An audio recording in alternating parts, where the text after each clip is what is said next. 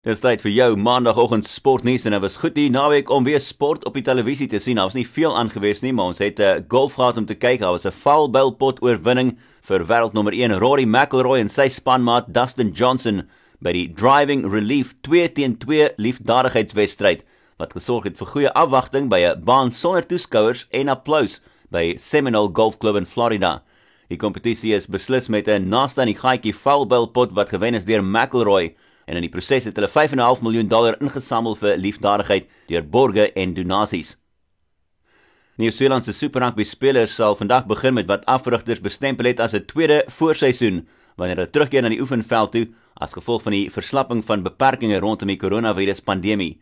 Nieu-Seeland rugby staar 'n multimiljoen dollar verlies in die gesig die jaar as gevolg van die pandemie en hulle het verlede week planne aangekondig vir 'n nuwe plaaslike kompetisie wat sal bestaan uit hulle 5 Super Rugby spanne en dit sal dan die 13de Junie begin.